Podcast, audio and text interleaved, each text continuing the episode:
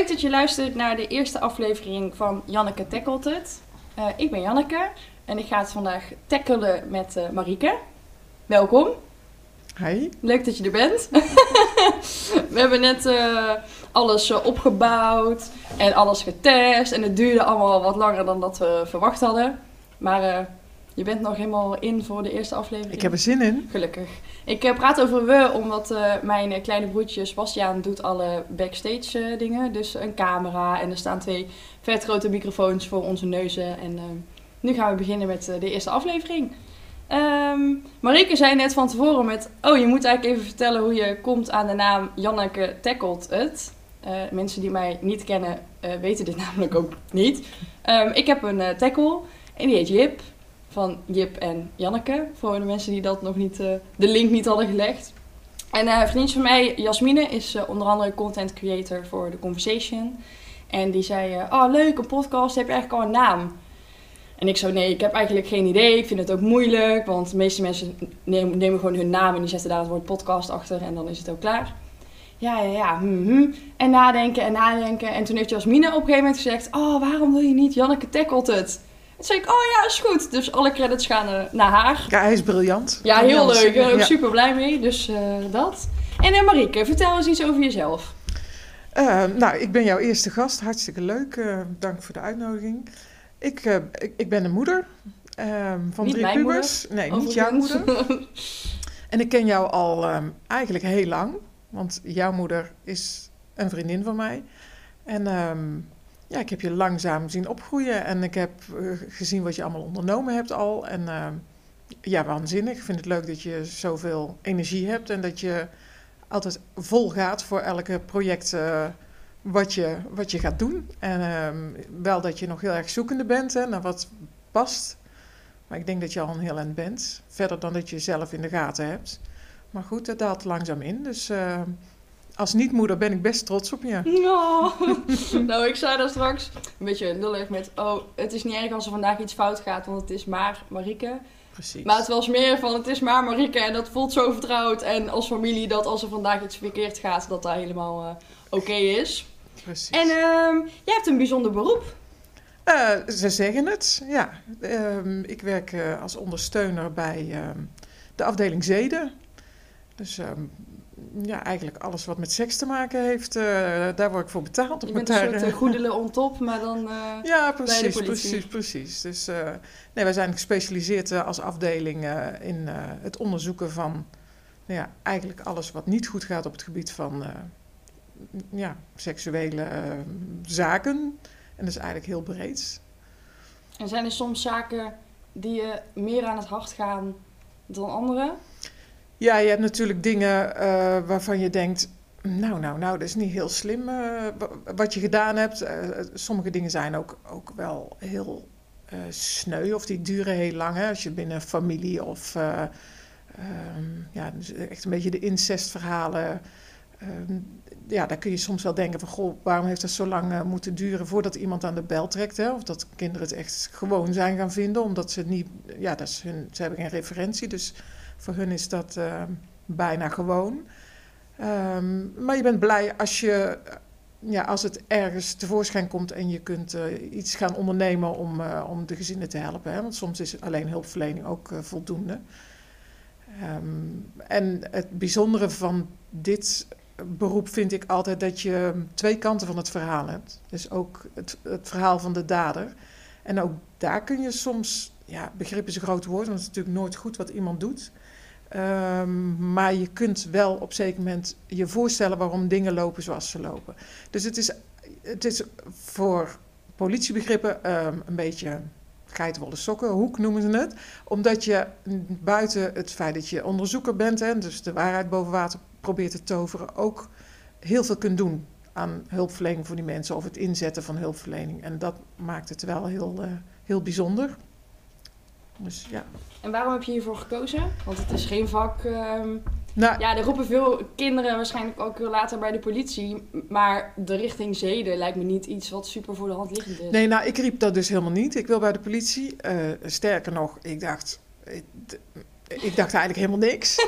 en um, ik kwam op een zeker moment, eh, ging ik uit en ik, ik had gewoon een baan op, uh, op een kantoor. En uh, ik ging uit en ik ben daar verschrikkelijk dronken geworden in mijn stamkroeg. En ehm, daar kwam ik in gesprek met een meneer, die had ook heel veel gedronken. En die zei van, goh, heb je het naar je zin? Ben je happy? Ik zei, nou, ik heb een baan en ik vind het eigenlijk wel leuk. Um, en ik moet er even voor, bij vertellen dat ik een baan had omdat ik een soort van mislukt was in mijn studie. Um, en ik was eigenlijk een beetje aan het rondkijken. Ik ga even iets, iets, doen en dan ga ik daarna weer studeren. Daar is er niet meer van gekomen, want ik, tijdens die dronken bui zei ik van... nou, ik zou wel eens iets anders willen. En die meneer zei van, nou, dan kom eens bij ons kijken. Ik werk bij de politie en wij hebben mensen nodig die hier um, nou ja, de mensen opvangen en zo. Ik denk, nou, ik ga eens gewoon kijken. Eh, laat ik het maar doen. Dus ik ben daarheen gegaan, ik ben daar aangenomen. En ja, van het een kwam het ander. Dus ik ben daar echt onderaan begonnen, aan de, de, de receptie waar je binnenkomt. Nou, dan ga je op zeker moment aangiftes opnemen. En dan nou, was, er moest een nieuwe afdeling opgezet worden. Nou, heb meegeholpen. Nou, kom je steeds een stapje verder. En een aantal opleidingen gedaan. En toen zei ze van, goh, ga de politieopleiding doen. Nou, ik, zei, ik denk het niet, want ik zie mezelf niet hollen achter boeven en met wapenstokken en dat soort dingen. Zo'n baantje, maar dan. Uh... Dus, en ik had ook zo, inmiddels had ik een leuke job binnen, uh, binnen de politie. Ik denk, als ik nu de opleiding ga doen, dan ben ik dadelijk een politiepolitie en dan zie ik de buil hangen, dan, dan ga ik boeven vangen, want daar hebben ze mensen tekort. Dus ik heb dat uh, risico niet genomen en ik ben eigenlijk altijd als ondersteuner gebleven maar door alles wat ik gedaan heb aan cursussen en opleidingen, mag ik toch best wel heel veel uh, uh, mee buitenspelen, noemen we dat. Hè? Dus huiszoekingen en soms kan ik er ook bij zitten als nou, bij verdachtes of bij dingen gewoon om maar als... Heb jij een uniform dan ook? Nee, maar hebben ze bij uh, Zeden heeft niemand dat, hè? Ja, ja. Dus komt iedereen gewoon in zijn kersttrui op het moment dat het kerst is. En zo. Precies, precies. en dat is ook wel een bewuste keuze, hè? Slacht, voor slachtoffers is het niet leuk als je helemaal in vol ornaat uh, zit. Dus het is echt wel een bewuste keuze dat um, je het zo huiselijk mogelijk maakt. Of, nou ja, zo... Huiselijk is dan misschien niet het goede woord, maar dat je het zo maakt dat iedereen zich op zijn gemak voelt. We hebben ook een speciale kamer, de huiskamer noemen we dat. hangt ook gewoon een schilderijtje en er staat een bankje en een plantje en een dingetje. Dus um, je probeert het.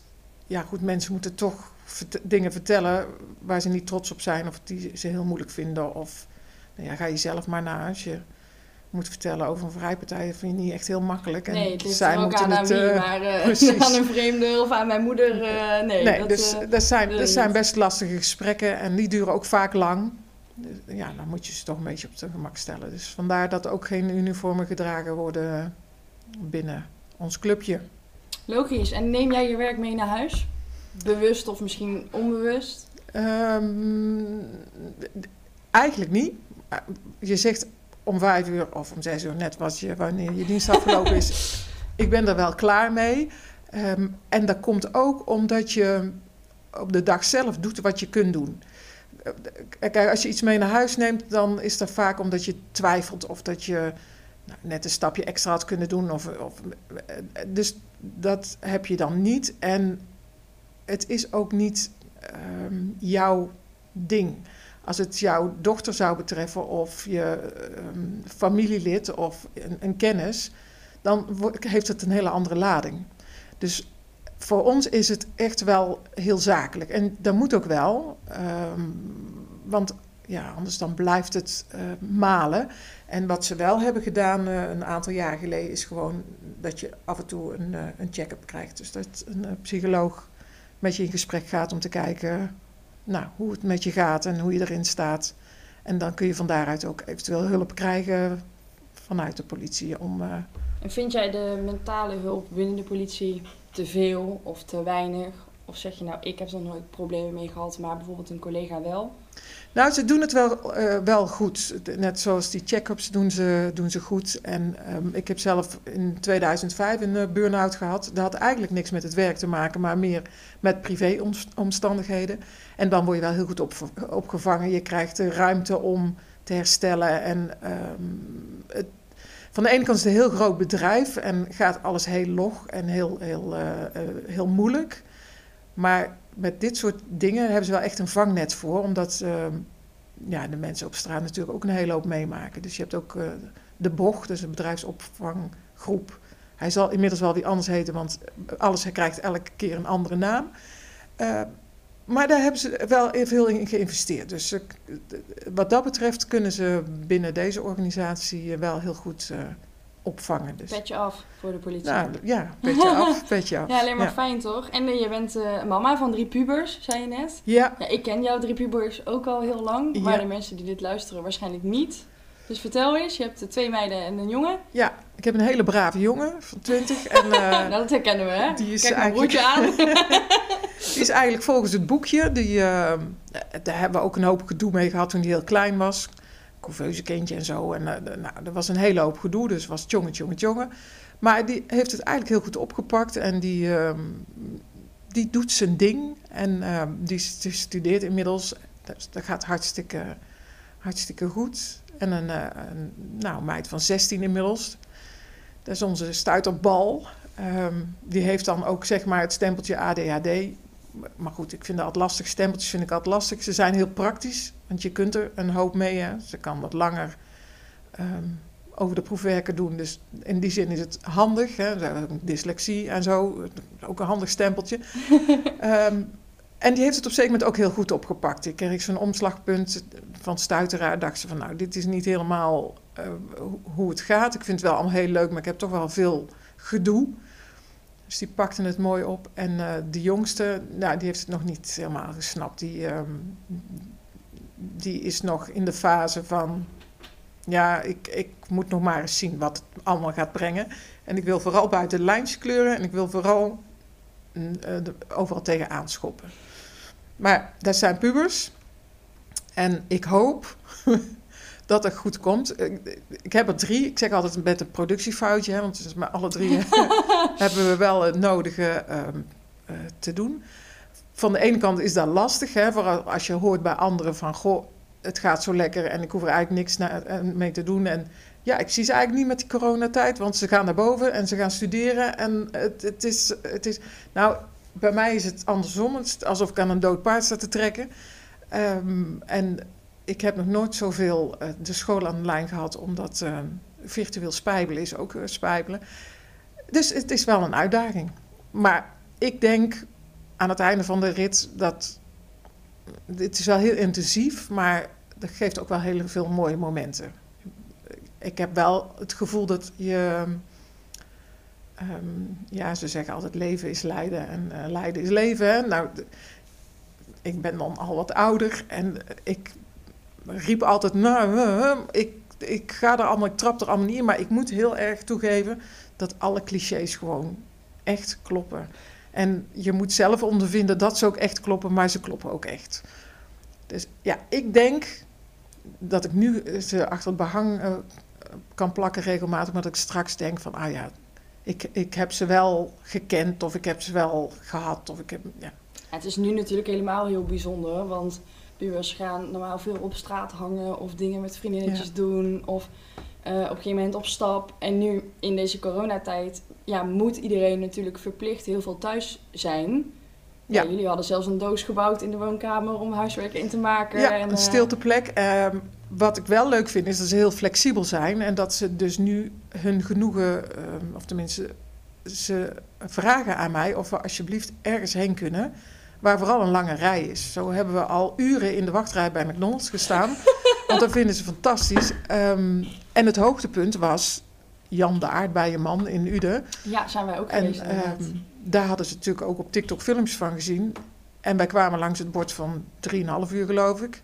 En toen kwamen we langs het bord van 2,5 uur, konden gewoon doorrijden. En toen was er al enige teleurstelling dat we niet zo dat lang hoefde te wachten. Dus maar dat we, anderhalf uur in de rij hoefde. Dus uiteindelijk stonden we maar anderhalf uur in de rij. Mm. En um, ze hebben daar iets fantastisch van gemaakt. Want we doen spelletjes en we doen raadspelletjes. En nu is het dus niet van, goh, gaan we, wat gaan we doen? Zullen we naar de Efteling gaan of naar Walibi? Nee, zullen we naar McDonald's gaan? We gaan een ijsje halen en dan ja, staan we in die wachtrij. En dat vinden ze fantastisch. En er wordt rondgekeken en er wordt gepraat en er wordt dus ik vind het wel heel leuk om te zien dat juist de, de pubers um, heel flexibel zijn en ja, dingen nemen zoals ze zijn. Ja, en jij hebt ook een eindexamenkandidaat Ja, die nu opeens geslaagd, Geslaagd is, ja. Toch? Is al, eh, heeft ze een telefoontje al gehad? nou, de, helemaal in het begin, hè, de- toen was er sprake van, van, goh, als je er goed voor staat, dan kun je op basis van je cijfers eh,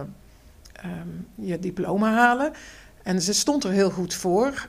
Eh, Er was al zo van, goh, nou, bij het laatste gesprek, eh, ze moeten wel heel gek maken, wil ze zakken. Dus dat wisten we al wel.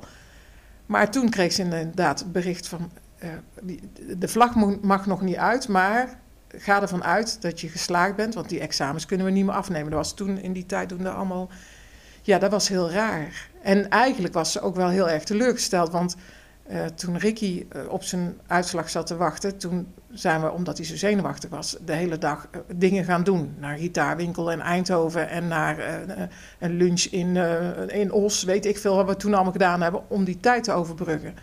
Daar was wel heel erg teleurgesteld op, want daar had ze zich echt op verheugd. Die spanning en dat wachten Ja. en het leuke dingen, de leuke dingen doen.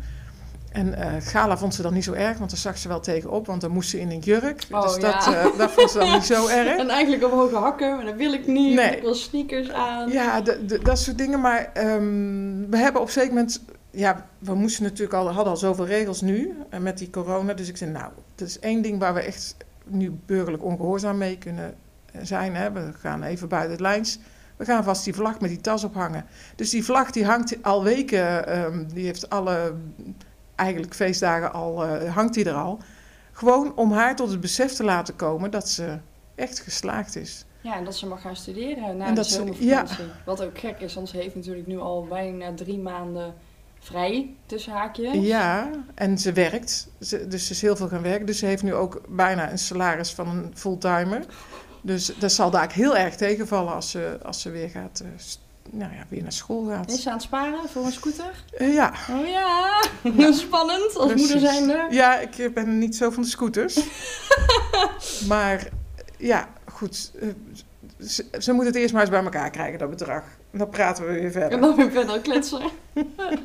ja, en ik, eh, wij zijn natuurlijk met de conversation heel erg bezig met mentale gezondheid bij jongeren. Ja. Ehm, ik vertelde daar straks al tegen jou van, oh, ik vind het wel eens cool om een mama te hebben. Ehm, om eens te kijken naar de mentale gezondheid van bijvoorbeeld jouw kinderen. Ja, Je vertelde net al van, oh, ik heb zelf een burn-out gehad in 2005. Wat hebben jouw kinderen daarvan gemerkt? Of zeg jij, nou, volgens mij hadden ze geen idee. Nou, ik denk niet zoveel, want toen, dat was in 2005 en het probleem was eigenlijk toen, ehm, eh, mijn, dus de jongste werd ze ge- geboren, Joy, ik kan ook natuurlijk gewoon bij naam noemen, die werd toen geboren en eigenlijk in diezelfde, op datzelfde moment kreeg mijn moeder eh, de diagnose, nou, dat ze heel ziek was. En ehm, in februari werd zij geboren en in augustus is mijn moeder overleden. En daar zat een hele hoop zorg bij, want ik ben eh, enig kind, dus ik, ja, ik moest aan de bak, want ze moest natuurlijk naar Nijmegen dagelijks. En dan met twee kinderen en een baby die constant mee moest omdat, omdat ik borstvoeding gaf, was daar best eh, veel.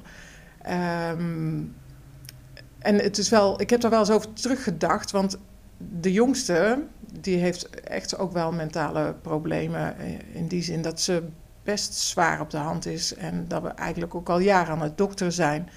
Omdat ze ehm, ja, het heel moeilijk vindt en eh, denkt van, goh, eh, wa- waar doe ik het allemaal voor? Ja, En, ze vindt het leven in het algemeen Ja, ze vindt het echt wel heel zwaar. Ja, En, eh, geen slingers die ze wil ophangen. Nee, en Nee. als, als eh, eh, jong kind, nou ja, als jong meisje, heeft ze ook antidepressiva al eh, gekregen van een arts, omdat ze gewoon ja, het niet meer zag, gewoon eh, het niet zag zitten. En over welke leeftijd hebben we het? Ja, dat was, toen was ze negen, denk ik, dus ze is best wel heel jong. Heel heftig. En toen heeft ze, eh, ja, is ze naar- een school gegaan. Dat vond ze eigenlijk wel heel leuk. Maar die school vindt ze dan wel heel leuk. En die meiden vindt ze allemaal heel leuk. En dat vindt ze allemaal heel leuk. Maar het leren is dan minder eh, interessant.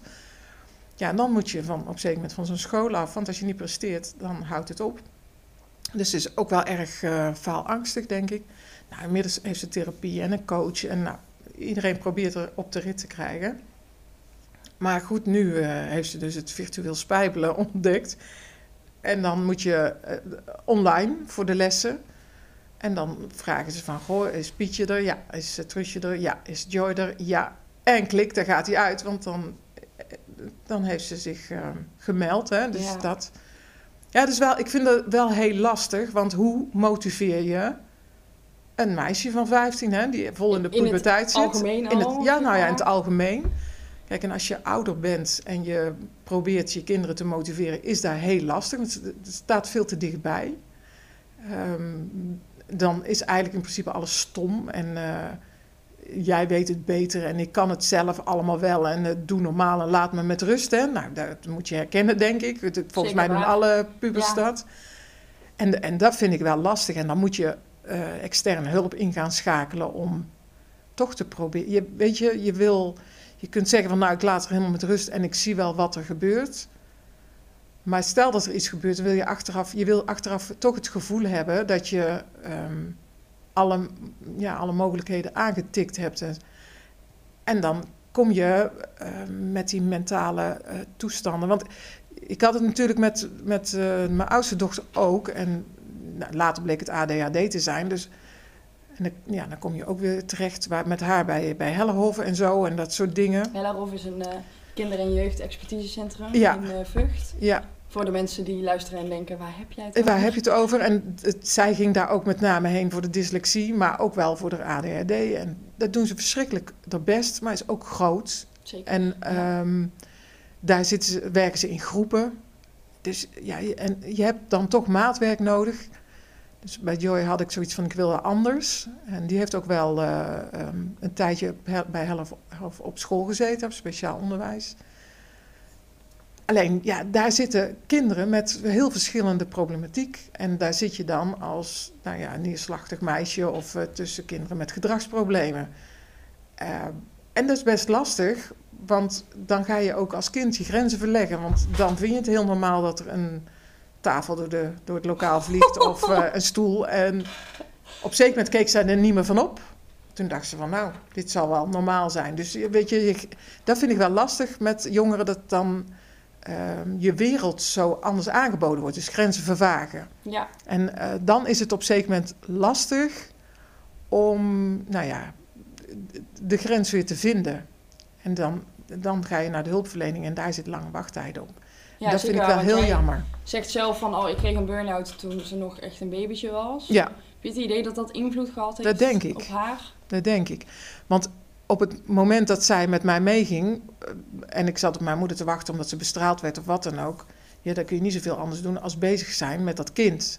Ehm, dus eigenlijk heeft ze nooit hoeven huilen om drinken of eh, ze- een schone luier of zo, want ik verveelde me te barsten daar. Dus dan, hup, dan was ze alweer. Of ik dacht, nou, ik regel het maar vast, want er zal dadelijk wel, eh, of we moeten een autorit of we moeten verder.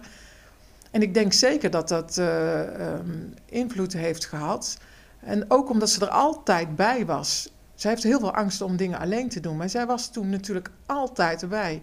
En ook bij het overlijden is zij eh, geweest. En dan kun je zeggen van, god, ja, ze was er. Maar ik denk wel, ik denk dat het toch wel...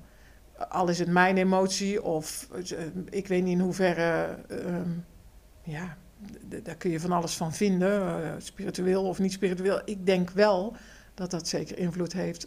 Nou ja, mijn gedrag op haar. Maar ook Tuurlijk, ehm, ja. dat soort dingen. Dus ik denk wel zeker eh, dat dat invloed heeft gehad. Maar van de andere kant, het is zoals het is. Dit is zo gelopen en dat komt toen niet anders. Dus ja, daar zul je een, een oplossing eh, voor moeten vinden. En ehm, ook daar zitten weer mooie dingen aan, omdat je, wat, je kunt wat ruimer gaan denken. Hè? Dus Ik merk nog dat veel mensen, ook van mijn leeftijd, ehm, die hebben een bepaald beeld. En daar moet iedereen maar aan voldoen. En zo gauw iemand daar niet aan voldoet, dan is die niet interessant of stom. Of, eh, En dat is wel heel jammer, want ehm, hoe je het ook went of keert, al die dingen die er geweest zijn, ik vind het wel verrijkend. Ik vind het heel sneu van de ene kant. Van de andere kant zijn, zitten daar zoveel leermomenten in. En ik, ehm, soms zeg ik ook van, goh, ik zou diegene, en ja, ik, ik ben dan daar wel heel hard in, maar ik zou diegene bijna een burn-out gunnen. Gewoon om eh, met beide voeten op, op, eh, op de aarde te komen, maar ook om je dat gevecht eh, te, door te Ja, maken, zodat wat jij je, bedoelt. ja, Je weet natuurlijk, als je mentaal met jezelf in de knoop zit, word je heel snel volwassen. Dat Ja. had ik ook. Ik bedoel, ik was 21 toen ik mijn burn-out kreeg. En als ik nu kijk naar hoe ik toen was en hoe ik nu ben, ja, dat is echt een wereld van verschil. Ehm, en ook wat jij zegt met dat je dingen aanvoelt en dergelijke als kind. Ja, mijn moeder belt me ook wel eens op met, hey Jan, gaat het wel goed? En dat ik echt denk, eh, ja, ik ben ongesteld geworden. Hoezo? Ja, ik weet niet. Ik had zo het gevoel dat het even niet goed ging. Ja. Dat is heel bizar dat mama het bijna aanvoelt als het bij mij even niet zo goed gaat. Ja. Terwijl het in de periode dat ik depressief was, had ze niks in de gaten. Dus daar hebben we heel erg veel van geleerd, waardoor je het nu wel door hebt. Ja. En zeker jeugd, en dan praat ik vooral onder de 16, zeg maar, voordat je gaat studeren. Ja, je wordt zo in hokjes geplaatst. En als je druk bent, heb je ADHD. En als je ehm, autisme hebt, dan eh, zit je alleen maar achter je computer. Ja, Ja. dat is gewoon zo niet waar. Er zijn zoveel verschillende vormen van van alles en nog wat. En ik zie nu nog steeds mensen om me heen die bepaalde stempels hebben gekregen. Waarvan ik denk, ja, ja weet je, kijk, ik heb een burn-out gehad. Ik was depressief. ehm, en ik ben hoogsensitief. Maar ik denk dat als ik eerder erachter gekomen was dat ik hoogsensitief was, dat mijn depressie misschien wel helemaal niet aan de orde was geweest. Maar had je er eerder achter willen komen of zeg je, dit heeft me wel heel veel gebracht? Ik denk dat ik wel. ehm, ik heb natuurlijk een tijd in het buitenland gezeten, want ik heb voor Thomas Cook gewerkt. En toen in mijn laatste jaar zat ik in Griekenland. En toen, ik heb het gevoel dat ik daar een klein beetje weggepest ben. Door de meiden en de jongens met wie ik daar werkte. En dat kwam niet eens door hun, maar ik werd daar zo buitengesloten omdat ik niet meer leuk was. Mhm. Ik was moe en ik was neerslachtig en verdrietig en ik wilde naar huis en ik was alleen maar aan het zeuren en aan het doen. En ik was geen leuk persoon om mee om te gaan, dus werd ik buitengesloten. Wat natuurlijk in de menselijke wereld gewoon heel normaal is. Iemand die niet leuk is of iemand die zwak is, ja, die gaat uit de kudde. Mhm. En ehm, ik ben daar heel boos over geweest. Terwijl dat ik echt dacht, ja, en die hebben mij weggepest en ik vind hun echt stom. En, en nu achteraf denk ik, ja, eh, ik was toen ook helemaal niet mezelf. Ik denk dat als ik deze dames en heren nu tegen zou komen, dat ze echt verbaasd zouden zijn over wat er allemaal gebeurd is. En hoe ik gegroeid ben en hoe ik veranderd ben. Ehm, dus ik heb daar heel veel van geleerd. Maar ik denk dat als ik iets eerder aan de bel getrokken had, dat mijn depressiviteit minder heftig geweest was. En ik vind dat altijd nog wel iets lastigs. Ik ben heel erg suicidaal geweest. Ja, dat is echt zo'n zwarte pagina in je leven. Dat is echt iets wat je niet wil. Wat je niemand ook toewenst. Wat je... Heb ik daar heel veel van geleerd? Ja, absoluut. Maar ik had het echt liever niet gehad. Dus dat is heel dubbel. En ik denk dat Ja. als ik eerder geholpen was, dat ik ook, ehm, eh, ook qua studiekeuze bijvoorbeeld andere keuze gemaakt had. Of dat soort dingen. Maar ik vind het ook wel weer lekker. Ik dacht vroeger altijd dat het nu moest. En dat ik 17 was, dat ik dacht, ah, ik moet nu carrière maken, want anders komt het nooit meer goed. Ja. En ik ben ondertussen 25 en dan denk ik, carrière maken, ja. Ja, K3 kunnen we niet meer worden, want die is al vernieuwd. Dus daar zit er ook niet meer in. Ja, ik heb altijd wel me zorgen gemaakt over, oh, ik wil beroemd worden en ik wil mensen helpen. En, en nu gaat het stapje voor stapje en daar ben ik wel meer tevreden over dan dat je zo patsboom beroemd bent. En dan kan je niet meer gewoon naar Albert Heijn. Ja, dat wil je ook niet. Nee. Ja, maar goed, als je kijkt hè, naar de mensen die er toe doen eh, in deze wereld, zijn, die zijn daar niet zomaar gekomen. Dus, en dat bedoel ik een beetje met die verrijking. Wat wel, en jij zegt, ik zou, had wel iets eerder dat stapje, eh, hè, ik had wel iets eerder hulp willen krijgen. Da- daar ben ik het mee eens. Want eh, van de ene kant ben ik het daarmee eens, eh, want je hebt maatwerk nodig. Hè? Je moet, eh, die wachttijden zijn funest, want je Dus zit moet staan maanden te op wachten. een wachtlijst voor Ja. een psycholoog. Terwijl dat je, als je de stap maakt naar een huisarts die je doorstuurt naar een POH, praktijkondersteuner van de huisarts, die jou weer doorstuurt naar een psycholoog of een psychiater of iets anders. Dat is, hoe heb je al drie stappen gehad? En je gaat daar pas naartoe op het moment dat het echt niet meer kan. Nee. En dan moet je daarna ook nog eens maanden op een wachtlijst. Ja, echt verschrikkelijk. Ja, en dat is zonde van de tijd. Want inderdaad, op het moment dat jij aan de bel trekt, dan ben je eraan toe. Eh, maar eh, dat je daar doorheen bent gegaan, ehm, moet je wel proberen te zien als een klein cadeautje. Ja, dat doe ik ook absoluut. Zeker omdat dat ik, als ik nu zie wat ik nu allemaal doe. ehm, voor de klas staan en met de conversation. En ik heb een hartstikke leuke stagiaire. En ja, ik ben daar hartstikke blij mee. Dus ik ben daarvoor heel dankbaar. Ehm, maar ik was 20 toen ik mijn klachten kreeg. Ik moest even nadenken, 20. En dan denk ik, dat is echt wel laat. Ik had veel liever gewild dat ze op mijn 15e of op mijn 13e. Twaalfde in de brugklas zeiden met... Ja, Jan, jij kan je gewoon niet zo goed concentreren en dat ligt hier en hier aan. Ja. Ik heb zo tegen mezelf gevochten al die jaren. En ook met pieken en dalen, want dan ging het jarenlang supergoed. En dan opeens was het allemaal zwart en slecht. En Ja. ik had wel wat eerder eh, hulp willen krijgen. ehm, en zeker omdat ik een burn-out kreeg. Ja, mensen hadden echt geen idee. Ik was 21 en ik had een burn-out. En iedereen dacht echt, ja... Ja, daar ben je te jong voor, hè, zeggen Ja. ze dan. Ja. Dus dat vind ik wel kwalijk aan het... Nou, niet per se kwalijk aan het zorgsysteem in Nederland. Maar eh, ik ben daarin gewoon niet goed geholpen. En dat Nee. vind ik wel jammer. Dat ik denk, oh, het had zo anders kunnen lopen. En dat is niet gebeurd. Ik heb het in het begin wel gezien als verloren jaren. Nu gelukkig niet meer. hè, Nee. Want anders had ik hier nooit gezeten. Precies. En eh, was ik ook niet aan het doen wat ik nu doe. Maar toen ik net klaar was met behandelen, dacht ik wel van... Ja, wat ga ik nou doen? En ben je bang dat het je nog een keer overkomt? Of heb je, herken je zelf de signalen? Hij is heel dubbel, want eh, ik ben natuurlijk super gevoelig. Als iets mislukt, dan is het ook echt tranen met tuiten. En eh, ik ben altijd heel zenuwachtig voor alles en dat soort dingen.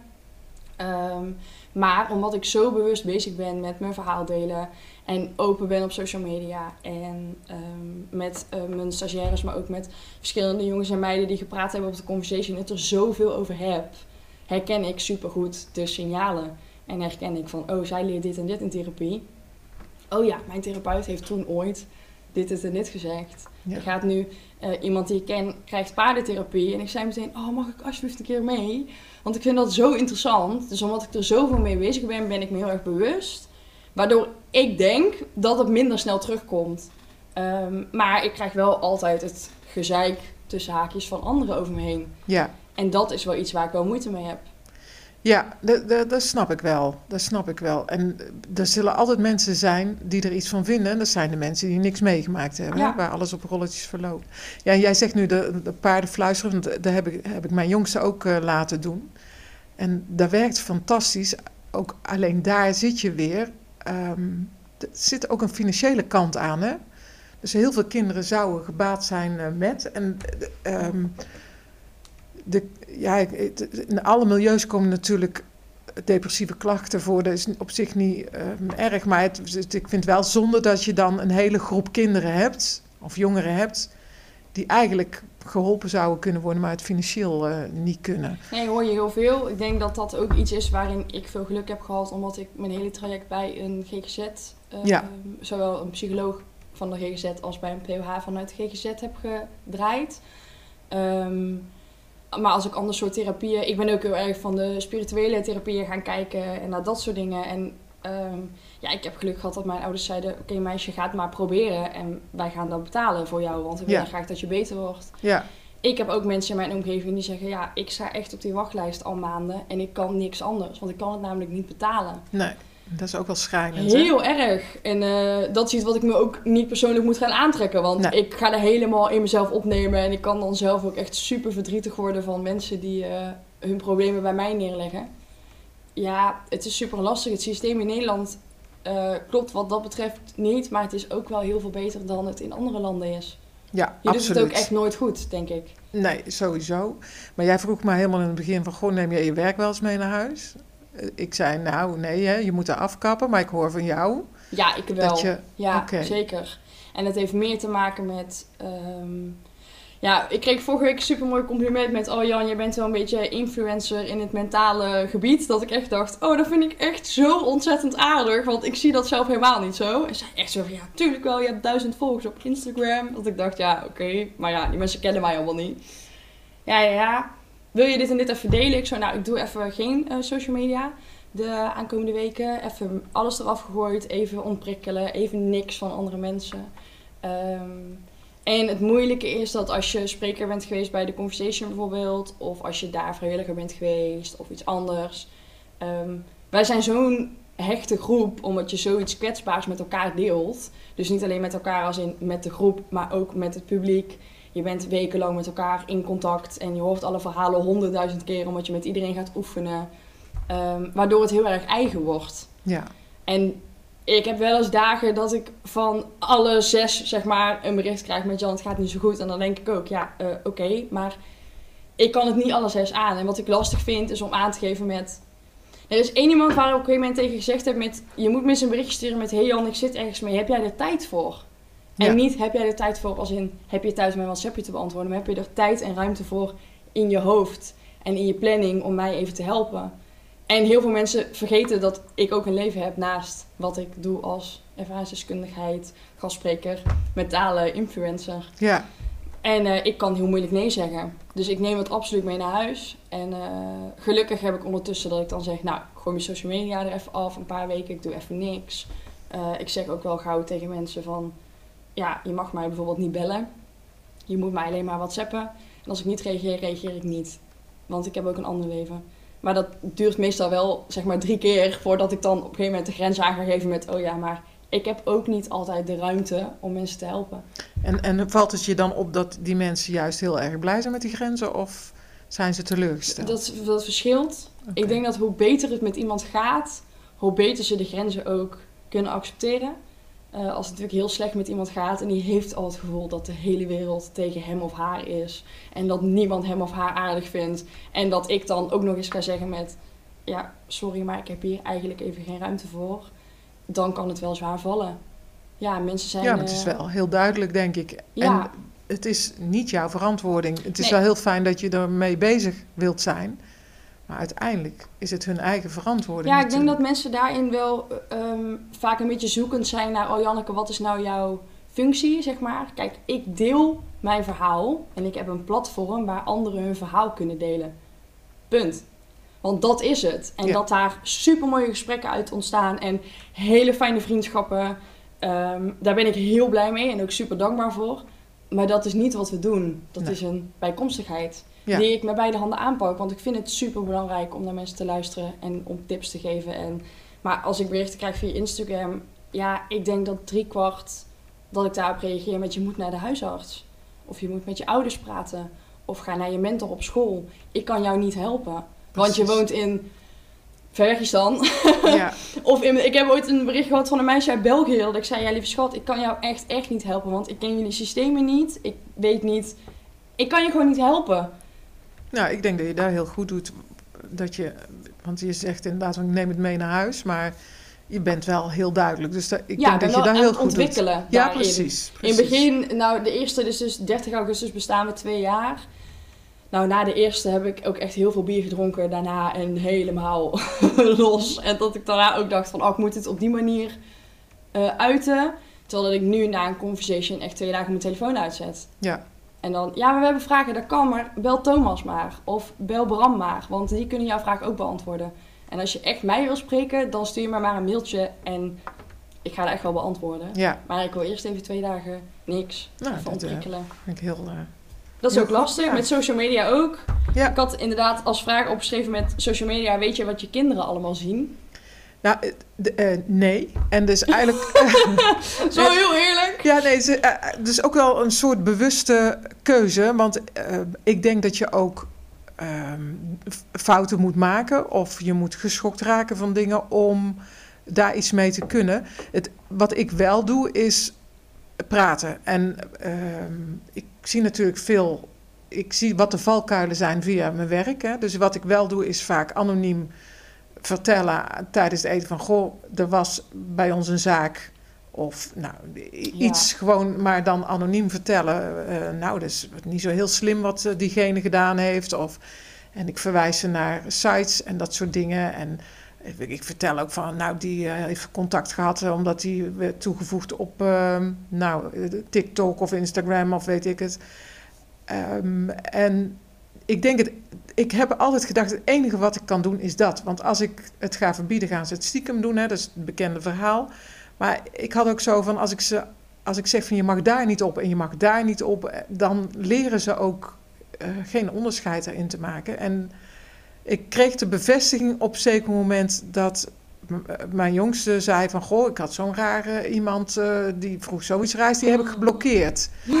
Oh, ik heb er kippen wel van. Ja, dat is heel spannend. Ja. ehm, maar doordat ik ze veel vertel en ik daar heel open in ben, en ik denk dat zij daar ook heel open in eh, zijn, hoop ik. Ja, het, dat is het enige wat ik kan doen. Ik kan alleen maar hopen. En ik noem voorbeelden en ik noem situaties en ik geef ze de ruimte om dingen te vertellen.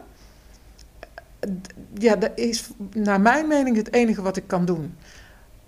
Ehm, en ik wijs ze op de gevaren. Maar van de andere kant denk ik ook, eh, je moet, je moet ook gewoon dingen zien waarvan je geschokt raakt of waarvan je in de war bent of gewoon om zelf te bepalen wat, je, wat, wat oké voor jou is. Of ik kan van dingen helemaal de rode vlekken krijgen, maar dat kunnen zij misschien wel heel, heel mooi vinden of heel interessant. Of ik, daar ga ik natuurlijk niet over. Het enige waar ik nu over ga is totdat ze een jaar of 20, 21, 22 zijn, is ehm, ja, zorgen dat ik er ben als, het, als zij voelen dat hun grens overgegaan wordt. En dan hopen dat ze komen. Ja. En daar denk ik dat dat de enige manier is. Ja, het is natuurlijk ook lastig. Ik denk dat als ik natuurlijk... Ja, ik ben echt heel braaf. Eh, ik ben één keer heel dronken geworden. En toen heb ik ook mijn moeder gebeld met... Wil je me alsjeblieft komen ophalen? Want ik ben mijn fiets kwijt. Nou, iedereen die uit een bos komt... Ik ging stappen in het plein en mijn fiets stond daarnaast. Het is niet zo moeilijk. En daarna ben ik ook nooit meer echt helemaal dronken. En ik was echt wel braaf. Ook alles besproken altijd met mijn ouders. Mijn vader zit natuurlijk ook bij de politie. Ik zeg natuurlijk, maar de luisteraars hebben geen, Geen idee. idee. En ehm, eh, ook altijd wel open en eerlijk. En als ik nu kijk naar, nou, wat ik nu kijk op social media, ja, echt, nou, Temptation Island en zo. En dat ik wel eens denk, ja, Jan, waarom kijk je dat? Maar dat is gewoon een soort van prikkel in mijn hoofd met, ja, maar ik wil toch zien, want ik kom het wel tegen op Instagram, dus ik ben wel benieuwd hoe het dan gaat. Ja, En aan de andere kant denk ik, oh, ga eens intelligent kijken. Kijk gewoon een guilty pleasure, dat mag. dat, ja. Maar ehm, waarom ben jij zo braaf? Omdat je de veiligheid hebt gevoeld om alles te mogen. En dan wordt het, al zo'n, ja, wordt het een stuk minder interessant. Ja, ik denk dat als je je kinderen dingen gaat verbieden, dat het dan interessanter wordt ook om dingen te doen. Ja, En ik heb, nee, ik heb altijd het gevoel gehad dat alles kon en dat alles bespreekbaar was. En ehm, ja, ik denk dat zeker als ik het heb over papa en mama, mijn ouders zijn gescheiden. Dus ja, we kregen natuurlijk ook stiefpapa's en mama's erbij. En, eh, maar ik heb me nooit opgedrongen gevoeld dat ik bepaalde dingen wel of niet kon vertellen. Of, eh, nee, precies. nee, en gelukkig niet. Want, Daar word je heel braaf van. Ja, dat denk ik wel. Want als Ja. je moet rebelleren en als je ergens tegenaan moet schoppen Ja. omdat je ouders zeggen, oh, het mag niet. Ja, dan ga je natuurlijk ook, denk ik in ieder geval, eh, eh, ja, ook gewoon stiekem dingen doen. En dit mag niet en zus mag niet. En dan ga ik niks even mijn moeder uit de tent lokken. Ja, Ja, dat, en niet dat ik geen vervelende puber was, want ik was ook een vervelende puber. hoort zo, hè. Maar dat is wel anders, denk ik. En wat doe je zelf met social media? Want ja, ik loop wel eens te ginnegappen met mijn moeder app met één vinger. En dat is gelukkig niet zo.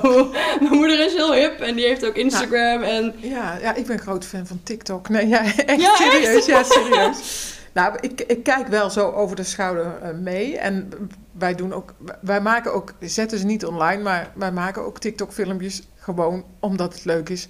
En ehm, ja, Instagram, eh, Facebook wel minder. Nou, podcasts luister ik heel graag. Dat hoort ook een beetje bij social media. Ehm, en dan alle nieuwszenders. Dat. En als ik nieuwsgierig ben, ik google alles. En daar lees ik dan over. Het is, het gaat, ja, het is eigenlijk een beetje wat er in je opkomt. En, daar, en dat vind ik wel heel leuk. Want ja, dan... dat- Vroeger, hè, vroeger, zoals we dat zeggen, vroeger. nou, ik, ik heb wel heel vaak... Mijn kinderen worden dan heel lui. En dan zeg ik, zoek het dan even op. Hè, want je, je kunt zelfs tegen eh, Google praten. en dan ja. praat hij terug. Nou, zelfs daar zijn ze dan soms te lui eh, voor. En dan zeg ik, eh, vroeger hè, vroeger, want dan denk ik, oh, dit had ik nooit willen zeggen, maar ik zeg het toch. ehm, dan moest je naar de bibliotheek fietsen. Dat, dat, dat was echt wel een dingetje om ergens achter te komen. En je, je wereld is zo groot nu, dat je elk ding wat je leuk vindt, kun je helemaal uitpluizen en, eh, en eh, doen. En als ik ergens heen ga en ik krijg een adres, dan ga ik ook kijken hoe de omgeving eruit ziet op eh, Google Earth, omdat ik dat gewoon heel leuk vind. Ehm, dus het is een hele nieuwe wereld, waar je natuurlijk ook weer van alles in moet vinden. En ja, social media, wa- wat jij zegt, is dat werkgerelateerd we ook natuurlijk heel veel meldingen krijgen over sexting en eh, ehm, ja, domme foto's, denk ik dan. Ja, ik krijg ook wel eens domme foto's op mijn Ja, Instagram. ik roep altijd tegen mijn meiden, vooral tegen mijn meiden, van... hey, doe wat je niet later kunt, maar zorg dat je hoofd er niet op staat, want dan ben je onherkenbaar. Nou Intussen... ja, maar we hadden het er net over. Jij zei net, eh, ik heb eh, best wel een flinke tatoeage op mijn arm. En zei je net, oh, mijn meiden en ik gaan ook tatoeëren. Ja, Wil ik daar ja, nog even horen? ja. Maar dat ik denk, ja, als mijn hoofd er niet op staat. Nee, er staat hier- Mensen gaan sowieso doorhebben dat ik er ben. En Ja. ik ben echt, ik ben echt een scheiter daarin. Ik heb een vaste relatie en een heel, heel lief, leuk vriendje ook. Maar dat ik echt denk, ja, ik vertrouw hem echt voor duizend procent. Maar het zal toch online komen? Ja. Oh, en dan moet ik voor een brugklas gaan staan. En die gaan dat sowieso vinden op het internet. Ja, die gaan mij echt niet meer serieus nemen. Nee, ja, het heet ook niet voor eh, niks wraakporno, hè, vaak. Oh, echt. Dus, eh, ik ben daar echt een watje in gewoon. Dat ik echt denk, nee, doe maar niet. Ja, maar eh, wat voegt het toe, hè? Want Ik, ik, ik heb altijd zoiets van, wat voegt het toe? Wat, wat, wat voegt zo'n naaktfoto toe? Het is veel leuker om het in het echt even te zien. Of, Ja, een, een stukje spanning, denk ik. Een beetje uitdagen. Zeker als je wat jonger bent. En ja, ja, het, grote voordeel wel is dat inmiddels het hele net ermee voor... Het is natuurlijk het grootste nadeel is dat het er niet meer afgaat. En ehm, dat je straks als je klein, achterkleinkinderen googelen, zeggen... Oh ja. Oma, wat is dit? Goed, tegen die tijd. eh, ehm, het staat er helemaal vol mee. Dus het is ook niet meer. Het is natuurlijk een paar heel erg uitzondering geweest. Want dan er stonden er maar een paar op. En het is verschrikkelijk. Het is verschrikkelijk als zo'n foto over een heel schoolplein gaat. en bij de andere school terechtkomt. en dat er namen onder gezet worden die niet kloppen. Het is echt heel verschrikkelijk. En ik hoop ook dat iedereen daarvan leert. Maar van de andere kant, het is niet meer uniek. Je moet bijna moeite doen om als. Nee, dat is onzin. Maar. ehm, dus het is ook. Als je ergens de eerste in bent, dat kan heel positief zijn. hè, Als je als eerste iets uit- bedenkt, ehm, dan kun je daar heel beroemd mee worden. En als je als eerste met zo'n foto bijvoorbeeld op internet staat, kun je ook heel beroemd worden. Maar dat is dan weer het negatieve. Ehm, en toch, het zijn allemaal leermomenten. En het enige wat je hoopt is niet dat jouw dochter die eerste is, maar dat ze denkt: oh, Truusje heeft dat gedaan, laat ik dat maar niet doen. doen. Ja, En zo denk ik dat, dat je daar eh, ergens uit moet gaan komen. ja. Alleen als je echt onder druk gezet wordt. Maar goed, ook dat. ehm, d- er zijn kinderen natuurlijk heel makkelijk onder druk te zetten door vriendjes of vriendinnetjes. Maar ook daar hoop je door voorbeelden te noemen dat ze toch. Ja, en social media is zoiets. Is echt zo'n mooi platform. Ik ben zo blij dat het bestaat. Omdat Ja. ik natuurlijk daarmee best wel bekend ben geworden. Eh, zonder mijn YouTube-video's ja, had ik hier niet gezeten nu. En had ik nu, eh, was ik nooit gaan bedenken, ik ga een podcast opnemen. Dus daar ben ik heel blij mee. Maar het heeft zeker wel negativiteit. Op het moment dat ik een andere, een normale baan wil. eh, weet ik veel, in een winkel, in de supermarkt, callcentra, noem maar op. Ja, als je mij googelt, kom je wel hierop uit. En ik heb echt veel afwijzingen gehad de afgelopen twee jaar met... Ja, Janneke, sorry, maar we gaan jou niet aannemen, want je hebt een burn-out gehad. Ja, Nou, echt tot huilens toe met, ja, nou, hoezo dan niet? Want ik ben nu toch gewoon weer beter. Ja, maar je staat wel online en wilde ons daar gewoon niet mee identificeren. maar het zegt dan meer over hun dan over jou, denk ik. 100 procent. Ik heb nu, eh, ja, nu gelukkig wel een fijn netwerk en met mensen die het wel accepteren. Maar zo- social media is aan de ene kant super mooi en een fijn platform waarop je hele positieve dingen kan delen. En aan de andere kant is het echt shit. Ja, Want er wordt zoveel gecyberbullied en gepest. En ja, verschrikkelijk. Nee, Ja. daar word je niet blij van. Nee, dus. En daarom denk ik dat het enige is praten. Eh, Praten, praten, voorbeelden en zorgen dat een plek veilig genoeg is. Of het nou thuis is, of een vriendin, of, of de ouders van een vriendin. Dat die plek veilig genoeg is om daar je verhaal te doen en hulp te vragen. Maar dat is lastig voor een puber. Tuurlijk, ja. En ik denk ook dat het, een, het is gewoon een kritieke leeftijd op alle, op alle gebieden. Gewoon. Je gaat zoveel van jezelf ontdekken en doen. En dan krijg je ook nog eens het internet over je heen. Waarin de helft alleen maar in hun bikinis op Instagram staan. Ja, eh, ja, ik heb ook een bikini en ik heb ook Instagram. Maar ik, eh, ja, het is gewoon koud, hè. We wonen in Nederland. Ik bedoel, het was vorige week één dag mooi weer. En nu is het weer eh, Ja, regen is het weer koud? Ja, wat ik, wat ik dan wel zeg van... Hè, want die, vooral die jongens die zegt van... Ja, dit, ik wil dat gaan proberen. Die staat nou te, te daaien met chloor en zo. Die, Ah, ja, ja. Maar die heeft ook al heel veel dingen gedaan. En dan vooral eh, probeer ik dan haar de dingen te laten doen... ehm, die niet zoveel kwaad kunnen. Want ze wou bijvoorbeeld ook zich kaal scheren. Daar wil ze nog Ja. overigens hoor. Dus ik, ik wacht op het meteen, moment... Ja, vet! En Ik jij meteen van, ja, maar wat gaan ze dan op school Ja, zeggen? het groeit wel weer aan. Maar ik wacht nog op het moment. Maar er zijn natuurlijk ook heel veel dingen die ik er wel heb laten doen, ook bewust. En waarvan ze zegt, ja, dit pakt niet zo uit als op YouTube. Als op het filmpje zeggen, nee, want die hebben er 25 gemaakt. En de leukste hebben ze uit. En die staat erop. Of het was mazzel, of ze hebben Ja. het geregisseerd. Hè? En dan zegt die jongste op een moment van... ja, nou, ik geloof er niet meer zo in. Nou, dan ben je ook weer waar je, Ja, waar je wezen wilt, hè? ja. Dus, maar het, ja, het zijn wel dingetjes. Het zijn wel, eh, en ook, eh, nou ja, wij hadden het net over tatoeages al. Ja, Vertel. Ja. Ik vind het natuurlijk superleuk. Ja, mijn kinderen die hebben een, een- die hebben een moeder en die moeder heeft een vriendin en die dochter die heeft allemaal hele leuke tatoeages. het is dus mijn schuld. het is jouw schuld, altijd jouw schuld. Helemaal geïnspireerd. Nou, ze zijn wel, ja, nou, het- het- het- zo komt het wel, want jij bent natuurlijk voor hun eh, eh, jong, hè, dus eh, Jong en hip. Jong en hip. Ik ben zo saai, echt. Ik zit alleen maar op de bank met mijn hond. Nou, eigenlijk, eigenlijk is, het, is het mijn, nou, mijn schuld. Eh, ehm, jouw moeder en, en eh, eh, Lian, wij zijn met z'n drieën al heel lang eh, samen. En we hebben ooit gezegd, nou, we willen een vriendinnen tattoo. Maar goed, we komen daar niet uit, want wat ik leuk vind, vindt jouw moeder niet leuk. En wat jouw moeder leuk vindt, vindt de derde vriendin niet leuk. En zo trutten wij een beetje ehm, om elkaar heen. 80 zijn, Totdat we een 80 bejaardenhuis zijn. zitten en dan denken, ja, we gaan dit maar zetten. Laten we die eh, grote roos, laten we die grote roos maar zetten. Dus we komen daar niet uit. Dus, maar mijn kinderen vonden dat geweldig.